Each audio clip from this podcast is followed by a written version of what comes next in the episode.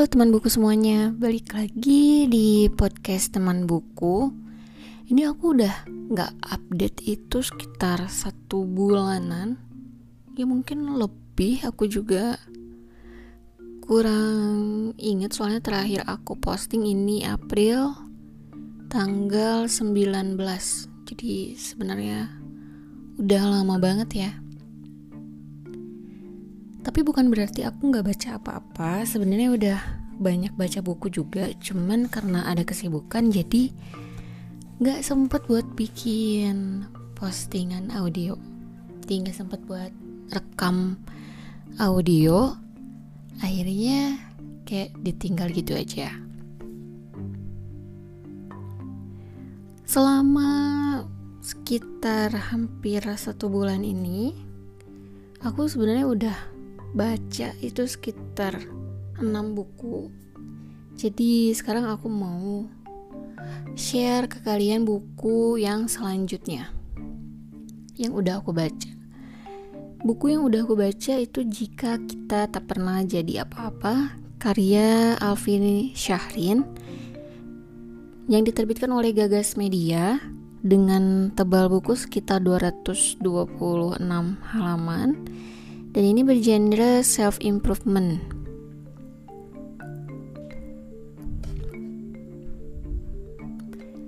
Nah, ini tuh sebenarnya buku keduanya Afi Syahrin. Dan sebenarnya pas saat aku udah baca buku ini atau saat aku beli buku ini tuh sebenarnya udah ada buku ketiganya yang judulnya itu jika kita tak pernah baik-baik saja dan buku keempatnya pada saat aku rekam audio ini itu juga udah uh, dijual online. Itu judulnya insecurity. Nah kita langsung aja simak bagaimana menurutku tentang buku ini. Mulai dari covernya ya. Covernya ini simple dan elegan didominan dengan warna hitam ditambah icon kapal layar dan tulisan judulnya itu besar berwarna kuning. Mungkin kesan elegannya karena perpaduan antara warna hitam dan kuning. Icon kapal layar di sini menyeratkan kalau buku ini bisa dijadikan teman perjalanan kalian. Perjalanan hidup maksudnya.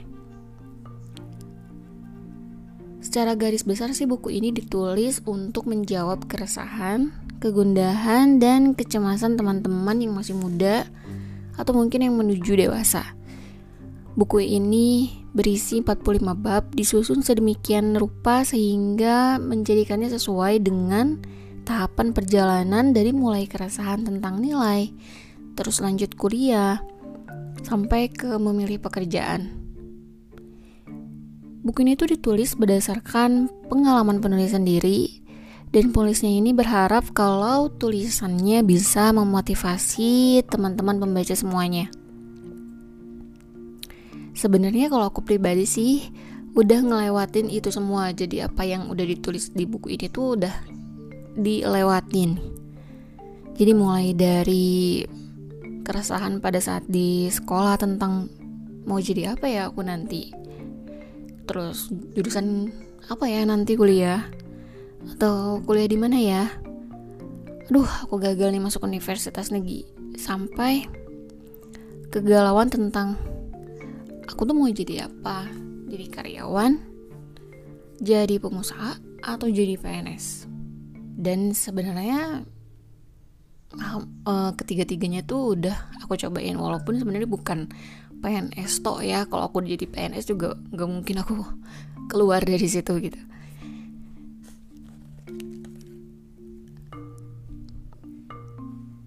Dan aku juga uh, selalu berusaha untuk menjadi yang sempurna demi orang tua bangga dan hal itu tuh ada di buku ini.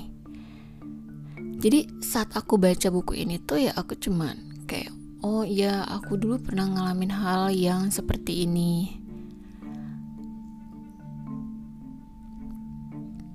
Afi Syahrin bilang tak ada mimpi yang sempurna di dunia yang tak sempurna ini.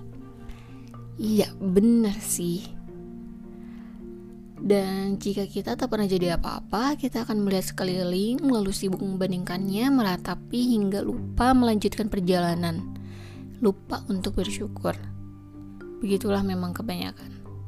Katanya begitu. Di buku ini juga disematkan banyak hadis muslim, sampai-sampai aku ngerasa kalau ini buku religi. Tapi memang penulis tuh nggak pernah bosan mengingatkan kalau Allah punya rencana untuk setiap umatnya. Mungkin doamu kali ini tidak dikabulkan karena ada hal yang lebih baik di depan. Jadi jangan cemas teman-teman, kita mungkin belum jadi apa-apa di dunia ini, namun mudah-mudahan di akhirat kelak kita jadi apa-apa. Nih, keren banget kan kutipannya. Nah, sekarang kita masuk ke hal apa saja sih yang aku suka dari buku ini. Nah, yang pertama, buku ini tuh relate banget sama kehidupan nyata. Ya, kalau aku masih dalam usia muda, ini tuh bisa jadi pengingat akan masalah apa aja yang akan dihadapi ke depannya. Karena sih sebenarnya permasalahan-permasalahan di buku ini tuh banyak dihadapi oleh kebanyakan orang. Jadi nggak sedikit loh yang uh, bernasib sama gitu dengan yang ada di buku ini. Terus yang kedua, hmm, aku suka sama bab yang khususnya tekanan anak pertama. Ini bener banget, menjadi anak pertama selalu punya tekanan kalau kita harus menjadi lebih baik. Menjadi contoh bagi adik-adik. Apalagi kalau yang dari kecilnya udah dibilang, kamu tuh uh, kakak, seorang kakak harus jadi contoh yang baik. Kamu tuh seorang kakak harusnya jaga adik-adiknya dan bla bla bla bla dan itu tuh secara nggak sadar jadi sebuah tekanan bagi uh, si anak pertama itu. Dan si anak pertama ini jadinya terkadang lupa kalau dia itu hidup di dunia yang gak sempurna dengan orang-orang yang gak sempurna dan semua orang punya ujiannya masing-masing. Dan itu sampai bisa uh, kepikiran kalau si anak pertama itu yang paling menderita. Padahal kan sebenarnya bisa aja anak bungsu juga punya penderitaannya sendiri. Anak tengah juga punya penderitaannya sendiri. Dan karena memang kebanyakan dari orang tuanya sendiri juga kamu anak pertama dan kamu harus gini kamu harus gitu jadinya ya jadi ada tekanan tersendiri lah Terus yang ketiga, gaya bahasa yang digunakan penulis ini lembut sekali. Jadi baca buku ini tuh berasa ada temen ngobrol yang siap ngedengerin keluh kesah tanpa ngehakimin. Nah, kalau yang menurutku agak kurang dari buku ini tuh sebenarnya kurang banyak. ya, aku menantikan ada bab tentang memilih pasangan atau menghadapi pernikahan, tapi mungkin karena penulisnya aja belum nikah, jadi bab itu ya belum ada.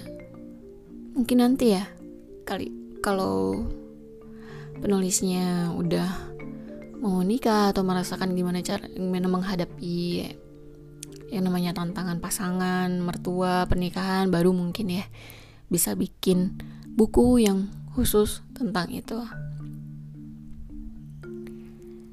Nah, buku ini aku kasih bintang 4, 4,3 lah. Aku enjoy bacanya, tapi karena aku udah ngalamin itu semua malah jadi bikin aku pikir ya kenapa sih dulu aku nggak berpikir begini? Kenapa sih dulu aku nggak berpikir begitu? Jadi malah kayak timbul penyesalan gitu.